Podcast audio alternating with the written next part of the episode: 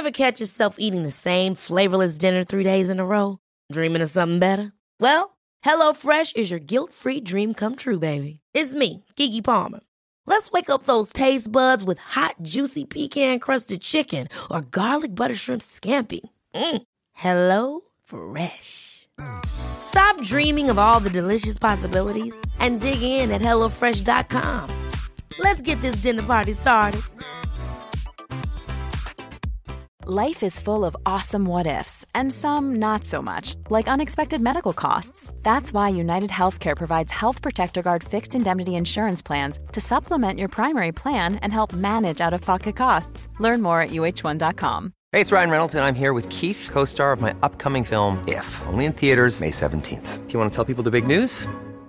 All right, I'll do it. Sign up now and you'll get unlimited for $15 a month in six months of Paramount Plus Essential Plan on us. Mintmobile.com slash switch. Upfront payment of $45 equivalent to $15 per month. Unlimited over 40 gigabytes per month. Face lower speeds. Videos at 480p. Active Mint customers by 531.24 get six months of Paramount Plus Essential Plan. Auto renews after six months. Offer ends May 31st, 2024. Separate Paramount Plus registration required. Terms and conditions apply if rated PG.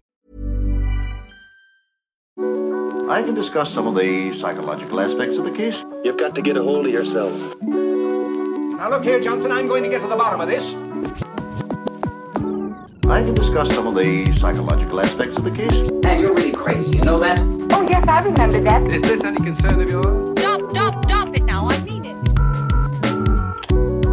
Ja, hei, det er psykolog Sondre Livrød her. Diagnosen er dessverre svært alvorlig. Det viser seg at alt tenker og føler er feil. Du må for all del ikke stole på hjernen din, den lyver. Alt du opplever er filtrert via nevroser fra ubevisste avkroker. Hvis du følger nøye med, er det en liten mulighet for at jeg kan hjelpe deg. The the the psychological aspects of the case. Oh, I'm just losing my mind, that's all. Du må ikke tro på hjernen din. Fulle av nevroser. Det er det som gjør oss til sjarmerende idioter. Nok en gang skal jeg snakke om våre holdninger og innstillinger til livet, og jeg skal snakke en del om hvordan hukommelsen fungerer. Hukommelsen vår er ikke som et videoopptak fra fortiden, men snarere noe vi rekonstruerer og modifiserer hver gang vi gjenkaller det på nytt. Det vil si at vi i høy grad er med på å forme vår egen fortid på nytt hver gang vi vandrer tilbake i tid med tankene våre. Dette har også en helt konkret innvirkning på strukturene i hjernen vår og hvordan minner skriver seg inn i våre mentale mønstre. Negative minner lagrer seg på en måte som kobles opp mot negative følelser, mens positive minner vil legge seg på andre steder i hjernen og knytte seg til positive følelser, opplevelser av mestring osv. Dersom vi rekonstruerer gamle minner og vonde erfaringer med en litt mer oppløftende holdning, legger vi et filter over disse minnene som gjør at de i mindre grad avstedkommer frykt og usikkerhet neste gang de dukker opp. Dermed er det litt avgjørende for vår psykiske helse at vi behandler vår fortid med omhu, eller at vi er litt mer bevisst på hvordan vi rekonstruerer vår egen fortid i det løpende narrativet vi har om oss selv. Dette ble kanskje litt kronglete formulert, men jeg håper å oppklare det i den kommende timen her på Sinnsyn. Velkommen skal du være. Målet er jo bare å tenke innover, tenke nytt, tenke på sin egen måte å tenke på. Tenke på hvordan vi føler, hva en følelse er, hvorfor vi føler den i de ulike situasjonene. Altså, altså få ideer som kan peke oss i en eller annen retning. Så det har ikke så mye å si akkurat hva slags utgangspunkt vi, vi har.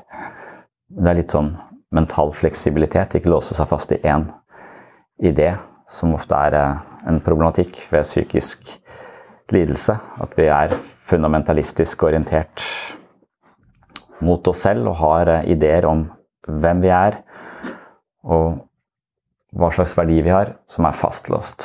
Så det å lære seg å tenke mer fleksibelt og kunne bruke det også innover, det vil være, være bra. Så jo mer informasjon vi har om verden der ute, jo mindre påståelige blir vi om den verden.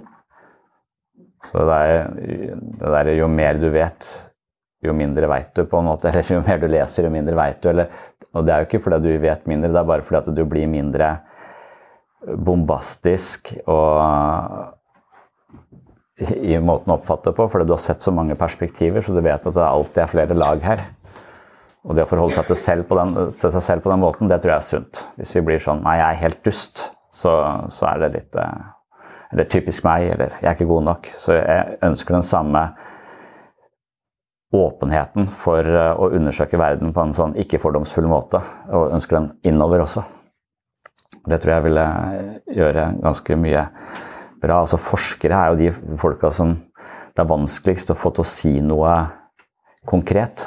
For de sier ja, men på den ene siden, på den andre siden. Og denne studien har jo sine mangler og bla, bla, bla. Og så, så de har problemer med å kunne I hvert fall gode forskere. Fordi de vet at dette er bare et snapshot. Dette er bare én innfallsvinkel. Det er mange ting her jeg ikke har undersøkt i randomiserte studier, og da kan jeg ikke uttrykke meg så skråsikkert uh, om det. Så en, en tilsvarende ydmykhet overfor ens eget indre liv. Jeg føler meg udugelig. Ja, hvor har du den følelsen? Er den sann? Hvor sann er den? Når dukker den opp? Altså gå og og det vi har som utgangspunkt i dag, er jo ikke noe Syns ikke jeg var så Det var kanskje derfor det kulminerte i dette her, at dette syns jeg var litt eh, kjedelig. Men en forholdsvis ydmyk eh, avslutning da, på en artikkel som sier at, eh, at eh, kognitiv terapi hjelper mot ryggsmerter. Så nå skal vi eh, drive med samtaleterapi hvis du har vondt i ryggen. Det er jo eh, nok et, eh, bare et eksempel på alt det vi har snakket om i det siste. Derfor skriver det seg gjerne inn i det samme.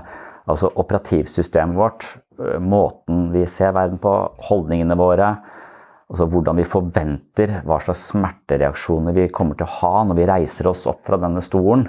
Hvis vi forventer smerte idet jeg reiser meg opp, så vil den smertereaksjonen allerede være i gang lenge før jeg reiser meg opp.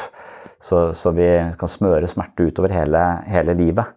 Så den tanken og den uh, forståelsen for at det, det, ikke er noe sånn forhold mellom kropp og syke er så tett, det er ikke denne dualistiske det er, en, det er en holdning her, den påvirker kroppen, og det er ikke så veldig overraskende. På sett og vis, Selv om det virker overraskende på oss at man kan uh, gå i samtaleterapi for å lette ryggsmerter. Men det, det, viste at halvparten av disse folka som hadde vondt i ryggen, de fikk det bedre med å gå i denne formen for samtaleterapi. De fikk hjelp til å revurdere fornemmelsen av smerte mens de satt nede, og mens de beveget seg på måter som de vanligvis frykta ville gjøre smerten verre. Og de fikk teknikker til å håndtere vanskelige følelser som kan forsterke smerten, og de fikk teknikker til å fremme positive følelser og medfølelse for seg selv. Så Det var det de fikk, og da ble omtrent halvparten av disse folka eh, kvitt ryggplagene som hadde vedvart over et halvt års tid. Men dette her var ikke kroniske smertepasienter, derfor er studien svak. og De mente de hadde rekruttert veldig gode terapeuter, eh, og de var veldig motiverte pasienter, så de mener at det er eh, masse svakheter. For Normalt sett så kan man ikke helbrede ryggsmerter bare med samtaleterapi.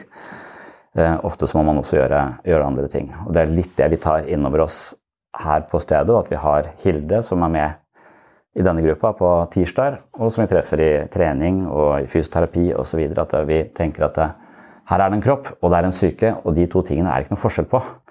Men vi kan intervenere nedenfra opp, eller ovenfra ned. Vi kan intervenere i kroppen. Det vil påvirke psyken. Og vi kan også intervenere med kognitiv terapi, og det vil påvirke kroppen.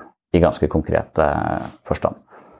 Og kanskje særlig når det er snakk om eh, altså veldig spesifikt med vondt i ryggen. Men jeg tror også, eh, for, for, meg så er det veldig tydelig at ryggplagene mine er en psykologisk ting. Det er ikke det at smertene er noe jeg innbiller meg, men uh, smerter i ryggen uh, er forårsaket av overlast i mitt tilfelle. Overtenking ofte, kanskje en form for nevrotisk tilbøyelighet som gjør at jeg kan bekymrer meg for ting, og når jeg får for mange ting på en gang og ikke klarer helt å holde orden, så, så vet jeg at jeg må begynne å rydde i livet mitt ofte. Og hvis jeg gjør det for seint, eller rydde i tankene mine, snakke om ting, få det. Hvis jeg ikke gjør det, så går jeg i en form for belastning, og så jeg, løfter jeg plutselig litt feil, og så knekker jeg.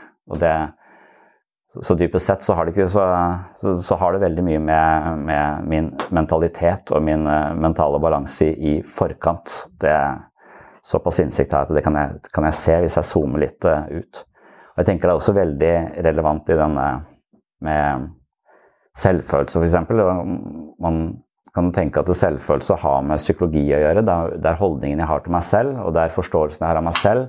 Og den forståelsen er eh, påvirket av andre mennesker som eventuelt har kritisert meg eller sett ned på meg, så jeg har en måte å tenke om meg selv på som forventer nederlag, som forventer at jeg er litt mindre verdt enn andre.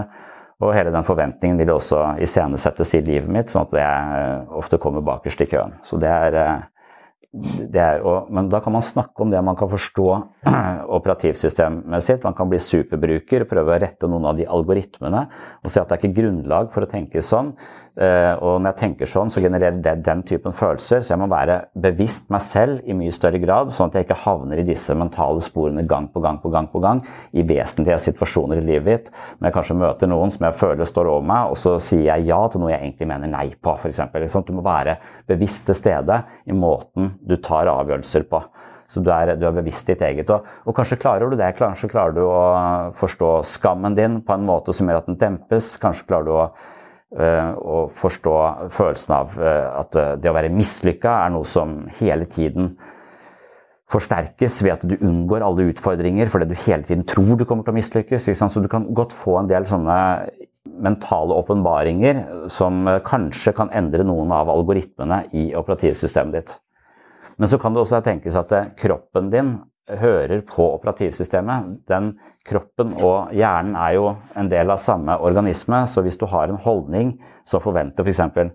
at folk er ute til å ta deg, eller at du er, har erfaring på at folk alltid svikter deg, så går hele kroppen din rundt med den alarmberedskapen. Det er ikke bare en idé du har, den sitter i hele, i hele kroppen din. Så du spenner deg litt, du får kanskje vondt i nakken, eller du er veldig stiv. Eh, du puster kanskje bare helt her oppe, du puster aldri helt ned. Så, så, det er veldig mye med, med kroppen som, som, spiller på de samme strengene som holdningene dine gjør. Og hvis du endrer holdninger, men ikke endrer kroppen, så tror jeg kanskje du går deg tilbake i lav selvfølelse, i verste fall. Altså hvis du ikke har noe fokus på kroppen. Hvis kroppen bare fortsetter å bevege seg med lav selvfølelse, som er litt mer sånn kroka, litt mer sånn 'unnskyld at jeg eksisterer', eller fryktsomt Hvis du ikke retter deg opp når du har korrigert måten å tenke på, så tror jeg kanskje at du får en slags åpenbaring, du forstår dette, men så vil kroppen trekke deg tilbake, for kroppen oppfører seg fortsatt som om den har lav selvfølelse, f.eks. Så de to tingene tror jeg henger veldig i hop, og jeg er litt usikker på om vi bare kan snakke om det uten å jobbe på kroppen, eller om vi bare kan jobbe på kroppen og så endre, endre operativsystemet eller holdningen. Min hunch er at vi bør jobbe på begge, på, på begge steder, og at det kanskje er ganske åpenbart, egentlig.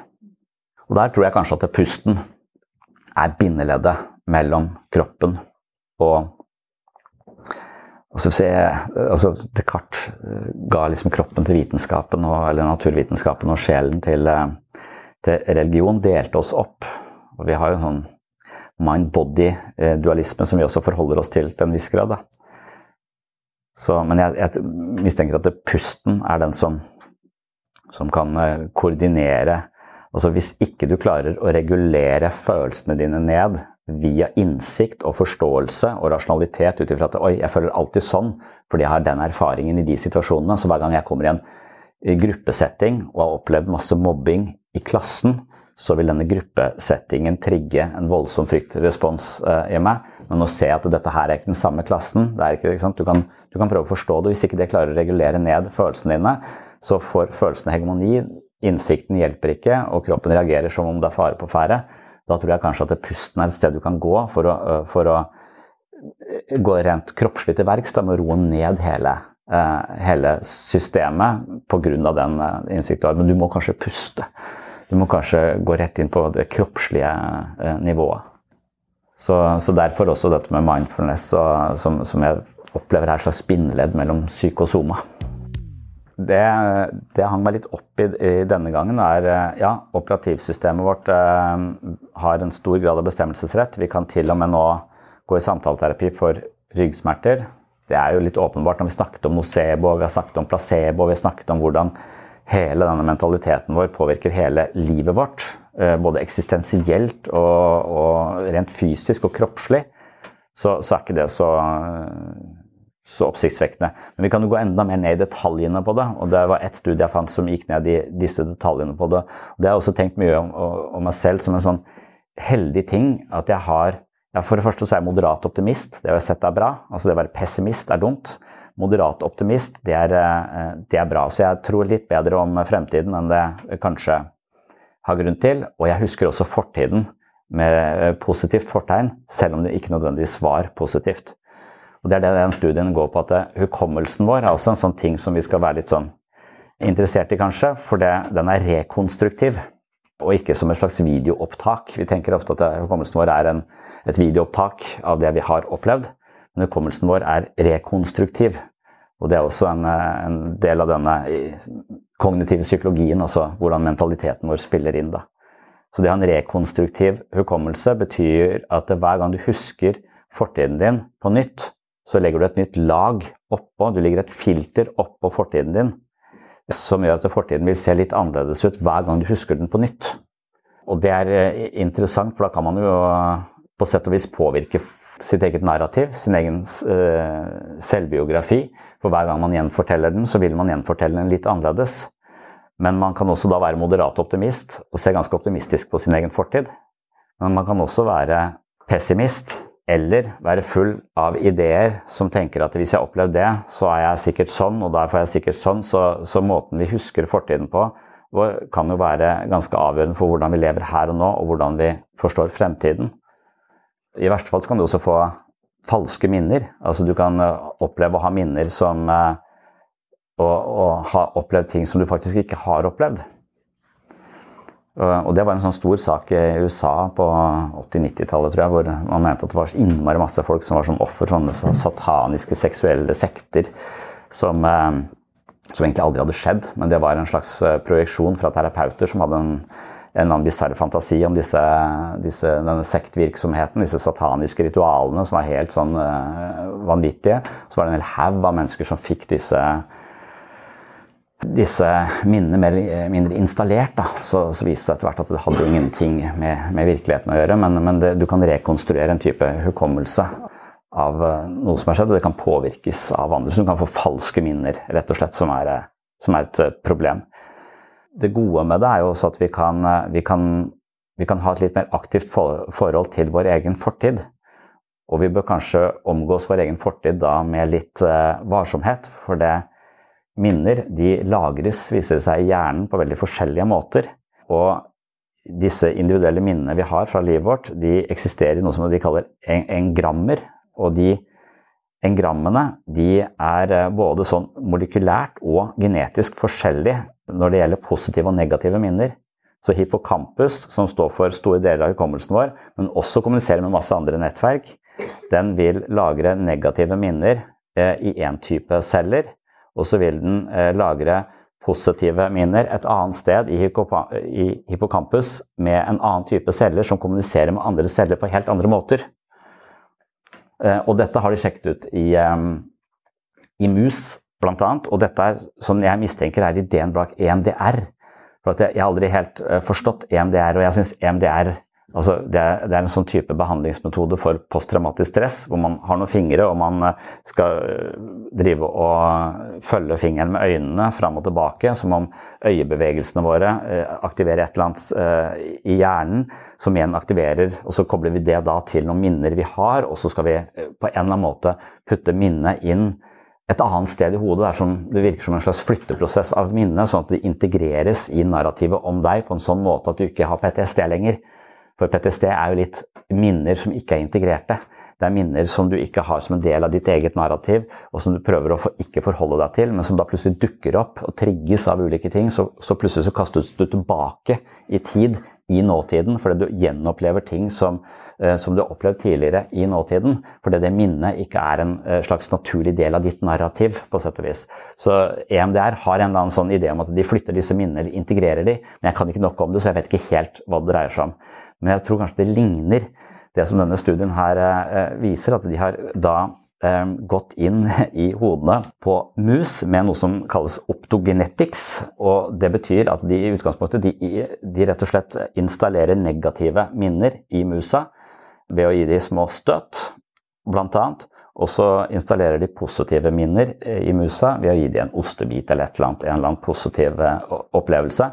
Og så kan de da rett og slett sånn bionevrologisk gå inn og, og med, med, en sånn lys og se de ulike celletypene og hvordan disse erfaringene legger seg i, eh, i hjernen til, eh, til, musa. Og Det som var interessant her, og det som de syns er eh, spennende, er at det, positive minner kan kansellere negative minner. Sånn at det, når du får da musa til å huske negative opplevelser, og mens det da skjer, at de husker disse negative, aktiverer en gruppe med positive minner samtidig, så vil da de negative minnene dempes eller, eh, eller rett og slett kanselleres til fordel for det positive eh, minnet. Så det å aktivere et positivt minne var den mest effektive måten å oppdatere et negativt minne på. Så den rekonstruktive prosessen hvor vi skal huske tilbake, hvis vi prøver å også huske det positive, så vil det dempe effekten av det negative, noe som vil endre strukturen i hjernen. sånn at vi istedenfor å gå rundt med masse celler som kode for eh, dårlige minner, som er en kode for frykt og usikkerhet osv., så, videre, så så kan du rekonstruere disse minnene og gi den negative valøren mindre betydning ved å koble det til positive Eh, minner. De så også at de negative minnene ble dempet betraktelig med å koble de samtidig til positive, men de kunne også dempe de ved å koble til nøytrale minner, som ikke hadde noen, eh, noen verken positiv eller negativ valør. Så det skal man da, Når man husker fortiden sin, da, så, så, så konstruerer man samtidig fortiden sin. Og man konstruerer sitt eget narrativ om sitt eget liv. For det er den røde tråden jeg er ute etter. Og hvis vi forventer og har alltid en erfaring på at det går til helvete, det gjør det og det og det, så vil det også være toneangivende for hele holdningen vår, hvorvidt vi er optimistiske eller pessimistiske, og forventningene våre til fremtiden, som har veldig mye å si på hvordan, eh, hvordan den generelle historien om meg er. Og når jeg da skal huske tilbake på det, så er det avgjørende hvordan jeg husker det. for da og Det kan man se på som en form for terapi. Det er jo å gjenfortelle historien om livet sitt på en sånn måte at jeg husker det sånn at jeg kan leve godt med det videre. Sånn at det blir en, eh, en, ting, en del av mitt liv som jeg lever godt med, og en plattform jeg kan stå på for å vokse videre i livet mitt.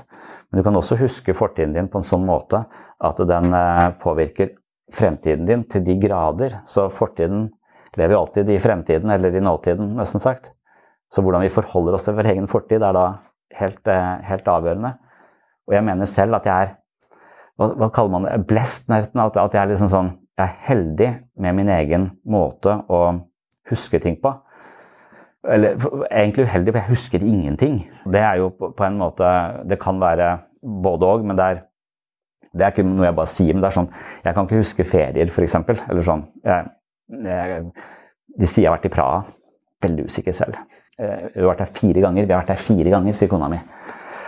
Ok, sier jeg. Så vet jeg at hun har, eh, hun har rett. Men jeg, jeg, har en, jeg, har en, fornemmelse av Praha. Jeg vet jeg har vært der. For at jeg kan se for meg Praha. Jeg vet hvor Kafka-museet er. men, men husker ikke, jeg husker ikke detaljer fra livet mitt på den måten. Men jeg husker noen detaljer. Eh, men jeg har veldig lite autobiografisk hukommelse, så jeg husker ikke så mye. Det, men det kan være at jeg klarer å gjenkalle det hvis jeg får litt hjelp. og sånn, så jeg, jeg, har ikke egentlig brydd meg så mye om det. Men det jeg bryr meg om, er at de tingene jeg husker fra livet mitt, de husker jeg alltid på god måte, uansett hvor dårlig det var. Og det tror jeg har hjulpet meg ganske mye. For det, jeg tror jeg rekonstruerer fortellingen om livet mitt eh, via den eh, graden av optimisme jeg har. Og, og dermed så, så, lager jeg også fotavtrykk i min egen hjerne som er gode å leve med. Og en av de tingene jeg har lurt på, for at når jeg sa mobbing f.eks. Eh, altså, har jeg blitt mobba? Alle har vel blitt mobba eh, til en viss grad. Men har du blitt massivt mobba? Altså, hva er mobbing? Mobbing er jo en slags systematisk utestengelse, enten verbalt eller fysisk, av et annet menneske over litt lengre tid. Og har jeg det? Veldig usikker på om jeg har. Jeg har ikke det uh, hva gjelder mine jevnaldrende. Men jeg var nesten aldri sammen med jevnaldrende når jeg vokste opp. Jeg var sammen med eh, en, noen fordi naboen min var fire år eldre enn meg, så jeg hang meg på de. Og når jeg hele tiden hang meg på mennesker som var fire år eldre enn meg, så ble de mye lenger foran i utviklinga enn meg. Pluss at de hadde Det var en sånn greie hvor man slo hverandre hardt i armen. Og jeg husker at lærere reagerte på det over lang tid. Jeg fikk med foreldrene mine inn. Altså, hvorfor er jeg alltid blå på armen? Hvorfor er, jeg, hvorfor er armen min alltid full av blåmerker? Og det var en slags mistenksomhet der. da. Fordi at det, det, det, er ikke Når barn går rundt med, med blå armer hele tiden, så lurer de på hva som skjer. Og jeg vet hva som skjedde, for de slo meg hver dag. Og de slo meg hver dag i flere år. Men det var en, en tone, en måte å være på. Men siden jeg var minst, så gikk det hardest utover meg. Men det var også prisen jeg betalte for å være med de, og jeg lærte mye av de. Vi gjorde innbrudd i båter, vi gjorde masse spennende som, som, jeg, som, jeg, vokste på. Men jeg er ganske sikker på at eh, jevnlige slag over lang tid, altså som var en del av sjargongen, kan man si, da, nesten at man, Jeg kunne husket det på en måte som hadde gitt meg plager. Jeg tror jeg kunne rekonstruert de minnene på en sånn måte at de kunne blitt vonde for meg. Men de er ikke vonde uh, for meg, og jeg har ikke gjort noe aktivt forsøk på å gjøre de verken vonde eller ikke vonde. Men, eh, men, jeg bare føler kanskje at jeg er litt heldig med min rekonstruksjon av min egen fortid. Sånn at den blir lett å leve med. Millions of people have lost weight with personalized plans from Noom. Like Evan, who can't stand salads and still lost 50 pounds. Salads generally for most people are the easy button, right? For me, that wasn't an option. I never really was a salad guy. That's just not who I am. But Noom worked for me. Get your personalized plan today at noom.com. Real noom user compensated to provide their story. In four weeks, the typical noom user can expect to lose one to two pounds per week. Individual results may vary. Ever catch yourself eating the same flavorless dinner three days in a row? Dreaming of something better? Well, HelloFresh is your guilt free dream come true, baby. It's me, Gigi Palmer. Let's wake up those taste buds with hot, juicy pecan crusted chicken or garlic butter shrimp scampi. Mm. Hello? Fresh. Stop dreaming of all the delicious possibilities and dig in at HelloFresh.com. Let's get this dinner party started. Hey, it's Ryan Reynolds, and I'm here with Keith, co star of my upcoming film, If, only in theaters, May 17th. Do you want to tell people the big news?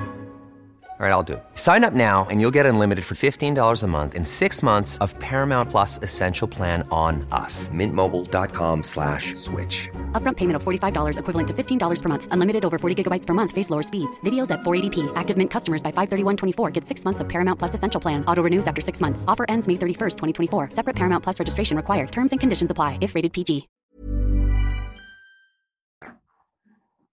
Og det føles ut som en, eh, som en slags um ja, blessing, eller hva man, hva man kaller det. Og så lurer jeg på om det er mulig å For dette er nesten litt sånn eh, hva skal si, nevrologisk atferdspsykologisk. Eh, dette, ikke, det, dette, dette, handler om rent sånn hjerneanatomi og hvordan vi bruker vår aktive oppmerksomhet på vår egen fortid på en bestemt måte, med en bestemt intensjon. Hvordan husker jeg det, og hva fokuserer jeg på? Ja, nei, det, jeg tror også, jeg også at det bare liksom forsvinner og Men jeg tror noen forholder seg til fortiden sin på en slags eh, kontinuerlig retraumatiserende måte. da.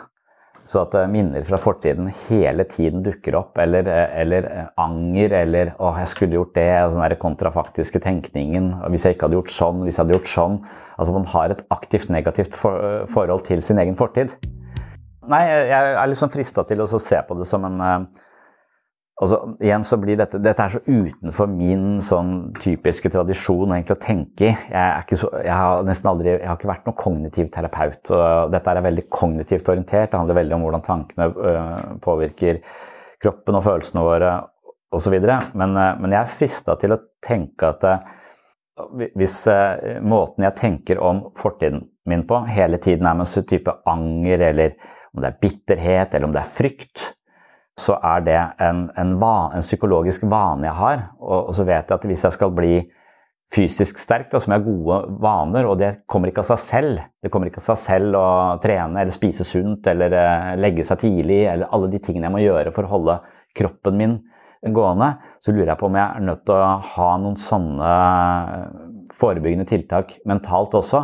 Og at det å være litt varsom eller nesten aktivt tenke på min egen fortid som i en eller annen valør som gjør at den er god å leve med. Det betyr ikke at jeg skal undergrave det som har skjedd av faenskap, men det skal bety at jeg lærer av det faenskapet, eller at jeg tar erfaringer fra det, at jeg er glad for at jeg overlevde, eller at jeg er glad for at vi altså, så, Sånn at man, man, kan Det å bygge en, en, sunn mentalitet, eller et sunt psykisk liv, kanskje er å vite hvordan, eller være litt oppmerksom på hvordan jeg forholder meg til fortiden.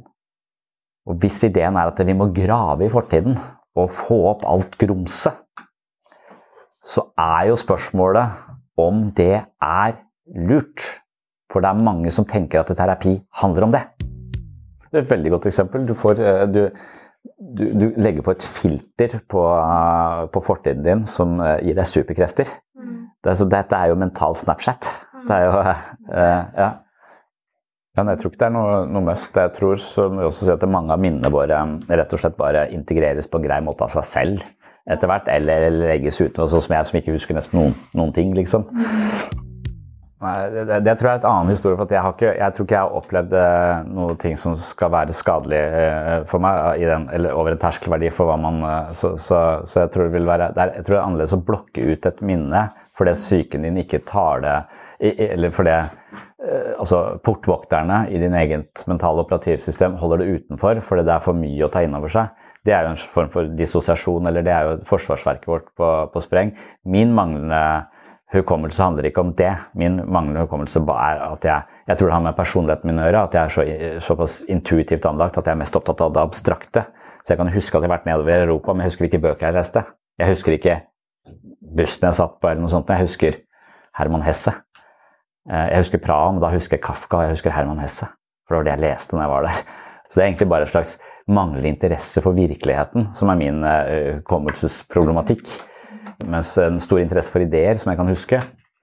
Men hvis jeg hadde levd et liv hvor jeg ikke hadde huska at jeg ble slått eller mobba på det groveste, og da blokka det ut Jeg husker det, jeg bare husker det. Jeg husker ikke at jeg har blitt mobba på noen sånn måte, men jeg, det, det, er ikke ting som har skjedd som er rett og slett stengt ute. Det, det tror jeg kanskje kan ligge der som en slags uh, fremmedelement i psyken vår, og plutselig skyte uh, og, og, komme inn som en slags uh, forstyrrelse i sammenhengen og, og, en forstyrrelse i opplevelsesmodusen din. For du, forventer, du skjønner ikke hvorfor du reagerer sånn ut ifra Det er som å ta ja, Det er som ikke eie helt seg selv lenger. da, at du, du eier ikke helt ditt eget, eh, din egen eh, selvforståelse lenger. For du skjønner ikke hva Det dukker opp noe som ikke er integrert, og som uh, overtar oppmerksomheten din, og som kommer som en sånn innsmett fra, fra noe du um, det kan jo virke, det er litt sånn som skrekkfilmer er bygd opp, nesten. At de plutselig bare viser et sånt glimt av et sånt ansikt. Jeg husker det var sånn skrekkfilm før som hadde ett sekund, eller en mikrosekund med sånt ansikt. Måtte ta bilde på for bilde for å se denne. Da fikk du se Satan, liksom, eller hva det var for noe i de, de, tingene. Og hvis psyken din fungerer på den måten at den plutselig kobler inn eh, som lyn fra klar himmel en eller annen opplevelse eller uh, erfaring, så, så det, det, vil virke veldig forstyrrende og veldig skremmende. Det er som om noen kaster vann på deg, liksom, eller knipser deg i øret. Eller, sånn, det er jo, det, du bare skvetter. Det er jo en sånn PTSD hvor det ikke er integrert. Så det tror jeg er, er en, en, en, noe man må håndtere, kanskje, med den teknikken som du nevnte. Da, at, man, at man gjenkaller akkurat det minnet som ligger eh, som en sånn slags eh, en ensom type sånn hukommelsesenhet i eksil inni hodet ditt, som er nødt til å integreres på en måte. Og Hvis det da kan integreres med noen filter hvor du faktisk overlevde det. Du faktisk eh, kan se for deg at du ja, rett og slett med fantasien også kunne rekonstruere det minnet på en sånn måte at det er mulig å leve med. Så, så vil du uh, gjenerobre den røde tråden. da. Men det, det, er ikke sikkert, jeg, tenker ikke alltid at jeg trenger en rød tråd heller. Jeg tenk, tenker også at jeg tenk, trenger å, å, tåle flere følelser og utvide rett og slett repertoaret mitt. Da, og, og ha en større total mental fleksibilitet i meg, i meg, selv. Og der tror jeg liksom det er mange teknikker. og Der er jeg mye mer sånn freudiansk orientert. Jeg er opptatt av drømmer. Liksom. Jeg syns det er gøy med uh, at der, det er ting som portvokterne mine ikke vil ha inn i bevisstheten min. Fordi at det på en eller annen måte ligger over terskelen fordi jeg orker å ta inn over meg. Det er skam, eller det er flauser, eller det er uh, frykt. Frykt for døden. Mens uh, når jeg da sover, så er jo ideen til Freud at det, det ubevisste er jo enormt stort, da, og det bevisste er veldig lite. Men når vi sovner, så vil, uh, vil portvokterne bli litt sløve. Så det som ligger i det førebevisste eller det ubevisste, vil på en måte sive inn. Men portvokterne er ikke helt skrudd av. De krever at de forvrenges litt. Sånn at kan, uh, sånn at de, de kan de, Portvokterne er der også for å beskytte søvnen. Så hvis det som kommer fra det ubevisste er for voldsomt, så vil vi våkne eller vi vil eh, få voldsomme mareritt eller søvnparalyse. Så, så portvokteren skal sørge for at dette kommer fram på en måte som er mulig å håndtere. Så det er et slags vrengebilde Så Freud sier at det, at det, du drømmer, det er alltid en dagsrest i det. Det er noen rester fra de to siste dagene. Men i tillegg så er det masse materiale fra eh, tidligere i livet ditt som, eh, som ligger der, som ikke er integrert. Men ved å integrere så kan du eh, frigjøre energi på vakthold. Og du kan bli et mer rolig og harmonisk menneske. For det, hvis du hele tiden skal holde det unna bevisstheten din, så må du bruke så mye energi på vakthold. Hvis du klarer å integrere dette og tåle dette, så, så, så blir du litt større som, som menneske. Og Da er liksom drømmen kongeveien til, til det ubevisste. Og det er også en sånn når, når folk folk som ikke skjønner ja, hva skal jeg gjøre med det indre, hva skal jeg gjøre, altså, hvordan, hvordan praktisere det, så mener jeg at det å prøve å forstå drømmene sine er en interessant innfallsvinkel til å utvide bevisstheten sin. Det er å gjøre det ubevisste bevisst. Det er en praksis for å gjøre det ubevisste bevisst. Og noen vil ikke forholde seg til det indre i det hele tatt. Det er mennesker som jeg møter som er stikk motsatt av meg. Jeg forholder meg bare til det indre. Veldig lite til verden der ute. Men jeg må det, for jeg har barn og sånn. Uh, så mens noen forholder seg bare til verden der ute, så hver gang det skjer noe av ubehag her inne, så bare går de ut i verden og så iscenesetter de et eller annet, eller så går de på en ny fest, eller så ringer de til noen, eller distraherer seg selv. Så de er aldri hjemme, liksom. De er aldri her, her, her inne. Og de trenger, de vil ikke inn dit, men de trenger en praksis for å aktivere og begynne å tenke innover. Og da syns jeg alltid at ja, begynn å skrive ned drømmene dine, og prøve å, å forstå det. Ikke som at det fins symboler som kan vise oss altså, når du drømmer om en bil, så betyr det det. Men at det, drømmer, at det er en aktiv fortolkningsprosess hvor du lodder dybden i deg selv, og du vil aldri finne sannheten om dette. Men du vil finne ut eh, Du, du kan utvide forståelsen for deg selv. Altså. Det kan være jeg husker litt likt. for at nå når jeg, når jeg, tenker tilbake på barndommen, når jeg tenker på disse eh, episodene, så husker jeg det som Jeg husker sommeren som magisk. Jeg husker sommeren som eh, Jeg husker vannet, jeg husker sjøen. Jeg husker også alle, jeg husker den krangling med en annen gjeng. Jeg husker, men jeg husker det som en magisk opplevelse, nærmest. Og når jeg leser Stian Hole for barna mine, 'Garmanns sommer' og, og 'Garmanns hemmelighet' og sånn, så blir jeg helt, jeg blir tatt rett tilbake. Altså Han beskriver en sånn øh, fascinasjon Eller han beskriver en sånn mystikk ved, ved, det å være et lite barn som, som, går rett i hjertet på meg. Det er en fornemmelse der som jeg kjenner igjen, og det er litt sånn jeg uh, generelt sett, hvis jeg tenker bakover i tid, så får jeg litt den følelsen. Den, den, mystikken treffer meg, som er både litt sånn angstproduserende, men også litt sånn magisk. Uh, men jeg vet jo også at den er full av erfaringer som er bedritne og, og, og kjipe, og det har jo alle. Men noen har jo sykt mye mer enn andre. Så det å forholde seg til sin egen fortid, det krever jo ganske mye mer av noen. Uh, litt avhengig av hvor, hva slags erfaringer du har med det. Så det er ikke sikkert du kan gå tilbake da, i tid for å finne, finne deg selv igjen. Og, og, jeg leste også litt opp på det som heter resiliens. altså Hva er det med de folka som uh, overlever en uh, faenskap og, og, kommer seg videre i livet? Og det er litt det samme som vi snakket om sist, altså at de, de finner utfordringer som er meningsfulle å løse på det uh, nivået de er. Så det å løse utfordringene som vi hadde som barn i voksen alder, selv om det ga oss mye mestring og sånn, det er ikke sikkert at det er tilstrekkelig nå, da. Når jeg hører du sier det, så, så det å hele tiden ha altså Vi ønsker ofte å komme unna alt, alle problemene osv., men, men hele, hele meningen med å leve et liv er å løse utfordringer som ligger innenfor sonen for det vi klarer å løse, og sånn at vi kan strekke oss og vokse. Eh, og det å finne nye, eh, finne sine egne selvvalgte prosjekter som er vanskelige å gjennomføre, men som du akkurat klarer, det er det som konstituerer mening i livet. Og Det er det som, eh, som går igjen. Jeg leste en bok av en som het, en sånn type, De som skrev disse resiliensbøkene, det er sånne gamle Navy Seals-folk, sånne marinejegere som har vært i krigen og jobber med veteraner som har mista beina sine i Afghanistan, i en landmine. Og, og, så er det da å komme tilbake fra Afghanistan da, uten bein. Hvordan kommer du deg på beina når du ikke har bein? Altså, det er det som er utfordringen der. Men noen gjør det, mens andre eh, nummer ned alle følelsene sine i eh, alkohol og TV og, og, og sånt noe. Men, men, det som viser seg, mener han, er at det å stille krav til dem når de kommer tilbake igjen altså det, altså de skal, Hvordan skal du nå kunne finne en meningsfull måte å bidra på når du ikke har bein? Det er det spørsmålet som har hjulpet folk. da og det å finne meningsfulle livsprosjekter som kan stimulere oss, som vi kan vokse i. og da tror jeg, så, så, det å gå tilbake Det er litt det samme som jeg prøver alltid å gå tilbake til, um, til Jeg går tilbake til skateboard, f.eks., som er livsfarlig når det er over 40. for det, det skader meg, men, jeg, men og det, har en viss sånn Hva skal man si Det har en Det er noe nostalgi i det. Det gir en litt sånn det er som jeg bekrefter den røde tråden, men det er ikke et nytt, ikke et nytt meningsfullt prosjekt for meg over lang tid, merker jeg. Men det å finne nye sånne prosjekter som er innenfor, som jeg har valgt selv. Og Problemet med mange folk er at de kommer i bakleksa, tror jeg. De får servert problemer som de er nødt til å løse. Istedenfor at de kommer livet i forkjøpet og finner sine utfordringer og løser de. Så, så hvis ikke du ikke finner på dine egne utfordringer å løse, så kommer Nav. Og så gir de deg noen problemer du skal løse, noen skjemaer du skal fylle ut. Og så kommer du helt på, på, på, på hælene, liksom. Og de presser deg. Så, så for alle skal ha problemer å løse. Og da er vi tilbake til de dyra i dyreparken. Eh, altså at hvis, eh, hvis, vi får enten servert problemer som andre har satt opp for oss, eller som blir kasta på oss, eller vi blir servert ting uten å måtte jobbe for det, uten å føle oss virksomme, så blir livet, så er depresjonen Altså angsten fordi du får problemer du føler du ikke klarer å løse, og depresjonen fordi at du, du har ingen meningsfulle problemer du har valgt selv å, å løse.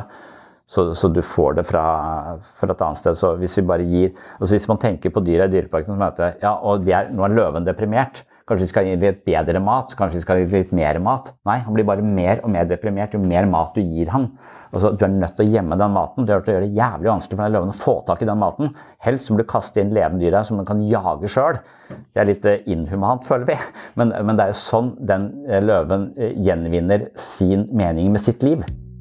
Altså, du, kan, du, kan, gjenopplive gamle mestringsstrategier, men det kan også være en regresjon i det. Da. En regresjon tilbake til en slags virkelighetsflukt i det. Ønske seg vekk fra virkeligheten og ikke forholde seg til voksenlivet f.eks. Ikke ta det ansvaret som man prøver å gjemme seg tilbake i, i, barndommen. Men det kan også være en slags revitalisering av den lekenheten som barnet hadde i voksenlivet. Så det er tusen måter å forholde seg til, til den typen uh, prosjekter uh, på.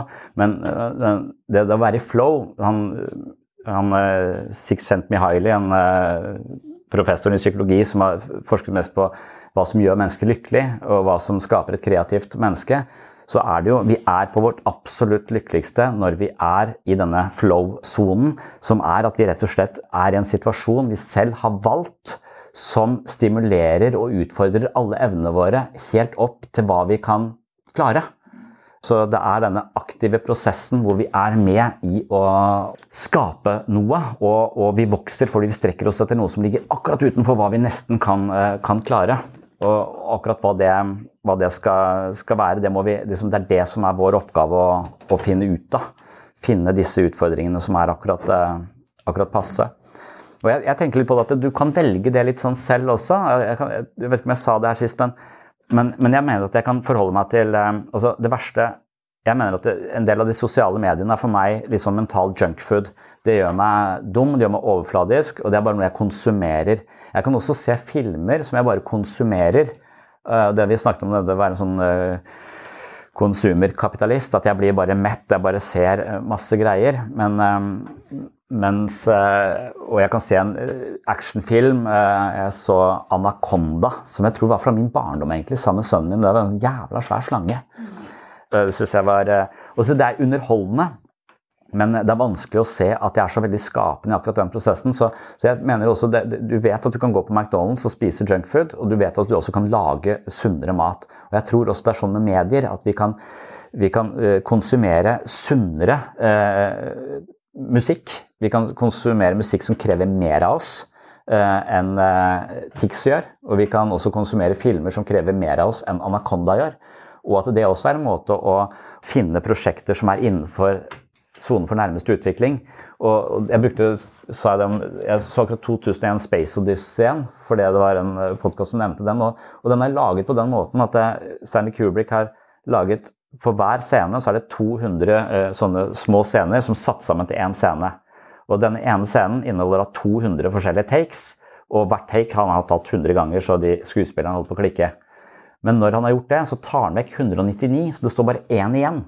Og hele filmen er da Altså 200 minus 199, én scene. Og så neste og så neste. Så du får en fornemmelse at det her altså, Når jeg så den første gang, så er den stillstående. Den er vanskelig å forholde seg til. Jeg vet ikke hva er dette for noe. Den, den var ikke underholdende. Den var vanskelig. Og jeg tror det er nettopp det, Når jeg ser den igjen som voksen, så jeg, ja, men dette her er jo, når jeg forstår hvordan han har laget den Han har tatt vekk sammenhengen, så jeg må skape sammenhengen. Jeg kan ikke være en passiv tilskuer av denne filmen. Det, vil, gjør meg ikke mett. Jeg må skape denne filmen. Jeg, ikke, jeg, er nødt til å forholde meg til dette. Jeg må være aktiv som seer. Jeg kan ikke sitte passiv. Og det tenker jeg på en sånn type. Og, og jeg lurer på om vi er litt sånn ute etter adrenalinet. Vi er ute etter eh, dopaminet. Altså vi er ute etter at ting vi, vi, vi, er så vant til at ting kommer lett til oss, og vi får veldig lett denne dopaminrushet, et eller annet spill eller et eller annet. Mens det, det som virkelig gir oss noe, er når vi må jobbe hardt for noe. Og etter lang tid klare å bryte igjennom muren til Stanley Kubrick for å forstå og ha skapt, medskapt seg selv i den filmen. Det tror jeg er en eh, sånn rent konkret eksempel på hvordan jeg tenker at hva skal jeg, hva skal jeg bruke den neste timen på? Jeg bare, eh, hvis jeg blir bare liggende på, på, en eller annen sosialt medie og scrolle, så, så tenker jeg det er ja, ja, da har jeg spist en Big Mac, da. Det er en mental Big Mac, tenker jeg. Og vet ikke om Big Mac er så usunt lenger, eller det er sikkert det, jeg vet da faen, jeg. Men, men, men, jeg føler det som, um, som, forfall. Og jeg føler at jeg ikke, ikke vokser. Og jeg tror det er lett å bli passiv. Og jeg tror det er lett å bare søke noe som kommer der utenfra, som skal gjøre meg, eh, meg bedre. Og jeg tror kanskje det er det som er litt av forventningen inn i, inn i, behandling også. Og, og, og, han Eric Grates, som hadde skrevet denne boka om resilience, han, eh, han skriver noe om dette at det å ta ansvar i livet sitt, hva vil det si? Det vil jo på en måte Han sier hvis du ikke tar ansvar i livet ditt, så, så viser han til den Eric Hoffer-boka, som jeg husker jeg leste også, som, som handler om, eh, om, tyrannier, og hvorfor folk på en måte, hvorfor folk blir eh, nazister under krigen. Og Han eh, intervjuer flere, og han intervjuer en nazist som sier jeg ble med i denne nazistpartiet for å bli fri fra freedom, eller free from freedom, altså unnslippe friheten for å være i et system som bare bestemmer om jeg Ikke tar ansvar, ikke tenker mine egne tanker, ikke skaper min egen. Bare, bare forholde meg til det andre sier at jeg skal gjøre.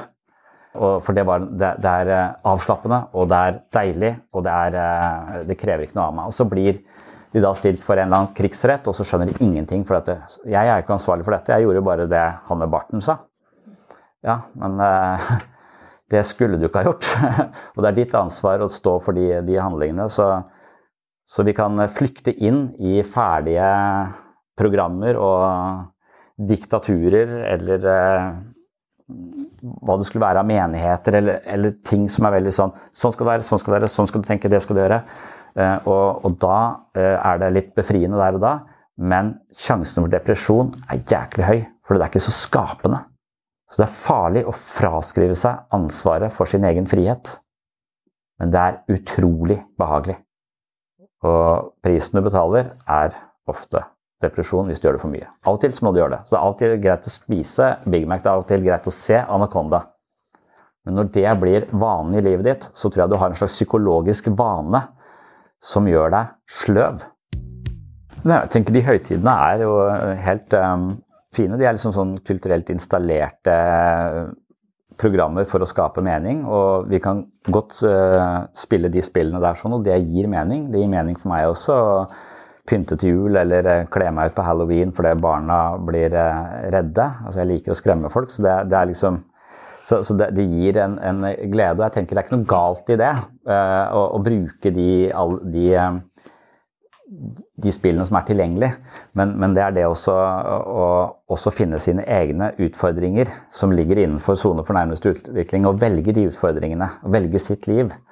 Og Ofte så gjør man jo det også innenfor en jobb, altså. Sånn det, men, men, da må du også eie den jobben.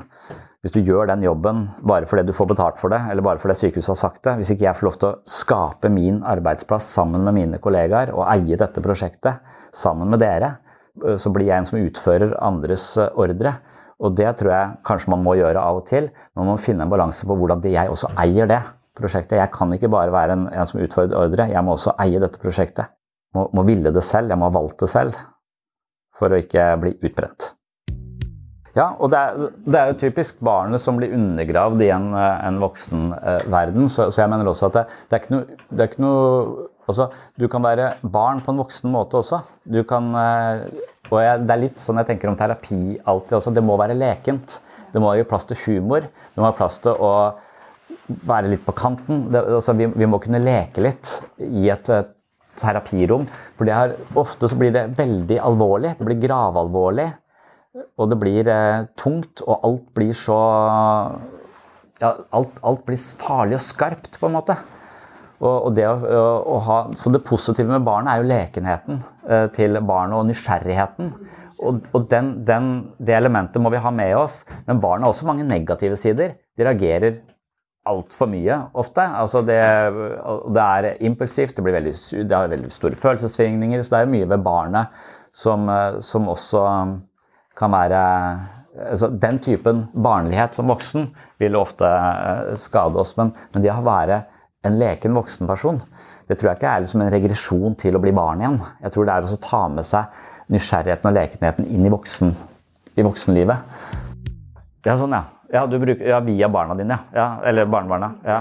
ja, det er jeg helt enig i. Det er litt det jeg også har med mine egne barn. At, at de, de, klarer å revitalisere mine utfordringer som barn på nytt. sånn at de, de, kan besørge meningen i de aktivitetene vi har, som ikke jeg hadde klart som voksen å gi like mye verdi. da.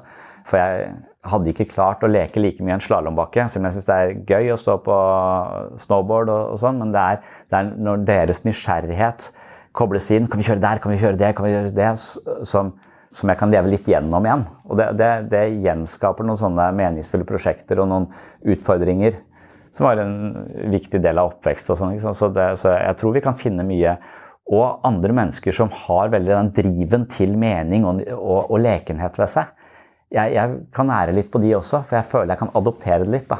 Jeg ser at det, oi, de er så interessert i det, de er så interessert i det. De, de brenner veldig for det. Så jeg, så jeg, går litt etter folk som har den der entusiasmen ved seg. Som jeg kan prøve å se hvordan, hvordan klarte du å finne så mye, skape så mye mening i dette. Og Det syns jeg er eh, fascinerende. og Det, er, det mener jeg er, liksom, det er å være et lekent voksenmenneske. Men så er det også noen mennesker som regredierer til barndommen for å fjerne seg fra ansvaret ved voksenlivet. Eh, og da er det en mye mer sånn flukt fra uh, friheten igjen, på en måte. Eller alle skarpe kanter, da. Jeg har hatt noen, noen i terapier som husker det eneste hun så på, var julefilmer hele året. For det var så jævlig koselig. Eh, og, det, det er, det er, men, men, problemet var jo liksom å forholde seg til livet, leve et liv. Eh, gå og handle, betale regninger. Altså det, var en type regresjon til noe, prøve å bare ha det så koselig som mulig. Uten å konfrontere eller kollidere med virkeligheten. Da. Takk for at du hørte på Sinnsyn. Det var det jeg hadde om eh, vår hukommelse, våre mentale mønstre og hvordan de påvirker livet vårt i ulike retninger. Og så var jeg også litt inne på dette med resiliens, altså motstandsdyktighet. Det er kanskje det mest beskrivende ordet for resiliens på norsk. Det handler om evnen til å håndtere stress og katastrofer, og at et barn viser seg motstandsdyktig overfor psykiske problemer. Her spiller genetikk, temperament og mange andre forhold inn. Hvilke gener som skrur seg på, handler også om hvilke situasjoner som trigger dem. Genetikk er også noe som er påvirkelig. Motstandsdyktighet handler ikke først og fremst om å være snill og føyelig. Motstandsdyktige mennesker er utholdende og selvstendige. De har evnen til å stå imot andre når det er nødvendig, og til å gjennomføre det de bestemmer seg for. Folkehelseinstituttet og universitetene har sett resiliens i sammenheng med lignende fenomener under den felles paraplyen positiv psykologi, og den positive psykologien er også i slekt med den kognitive psykologien, hvor dette med våre holdninger til livet spiller en sentral rolle, og hvordan vi tenker om fremtiden og hvordan vi tenker om fortiden, påvirker livet vårt her og nå og det løpende narrativet vi har om oss selv. Personer med mye motstandsdyktighet klarer å bruke ressursene som finnes rundt seg. Det handler om sosiale nettverk og at du klarer å ta kontakt med noen det er hensiktsmessig å snakke med i de aktuelle situasjonene, men en mestringsstrategi som egner seg for den ene, er ikke nødvendigvis til hjelp for den andre. Den som har et fleksibelt repertoar av strategier, har naturlig nok størst motstandskraft, og jeg tror også det handler mye om hvordan vi tenker om vår egen fortid, som også var en del av eh, starten på denne episoden. Takk for at du hører på Sinnsyn. Hvis du vil ha mer sinnsyn, så bør du laste ned Sinnsyn-appen, eller gå inn på sinnssynpluss.no for å skaffe deg reklamefrie episoder og masse bonusepisoder. Eller du kan gå til mitt mentale treningsstudio på patron.com for segs sinnssyn, som tilsvarer denne sinnssyn-appen, men materialet der er organisert via Patron sin plattform, som gjør det litt annerledes. Men det er omtrent det samme materialet på Patron og på sinnssyn-appen, men sinnssyn-appen den har jeg laget selv, og den har jeg også da fått lov til å organisere materialet sånn at jeg synes det gir mest mulig mening og blir mest mulig ryddig.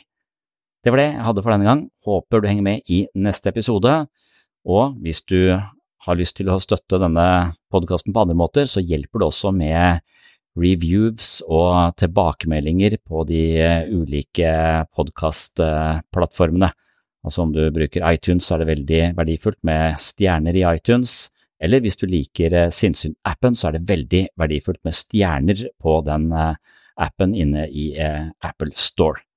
Så en annen ting er jo også nevn podkasten til venner og bekjente hvis du finner verdi her på Sinnsyn. Da var det sagt for ørtende gang, takk for følget og velkommen tilbake i neste episode. Oh, I'm just losing my mind, that's all.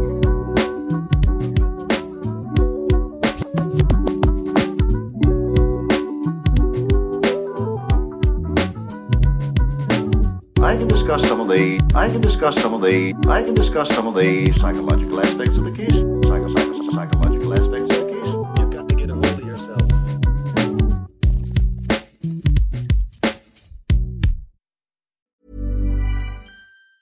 Planning for your next trip?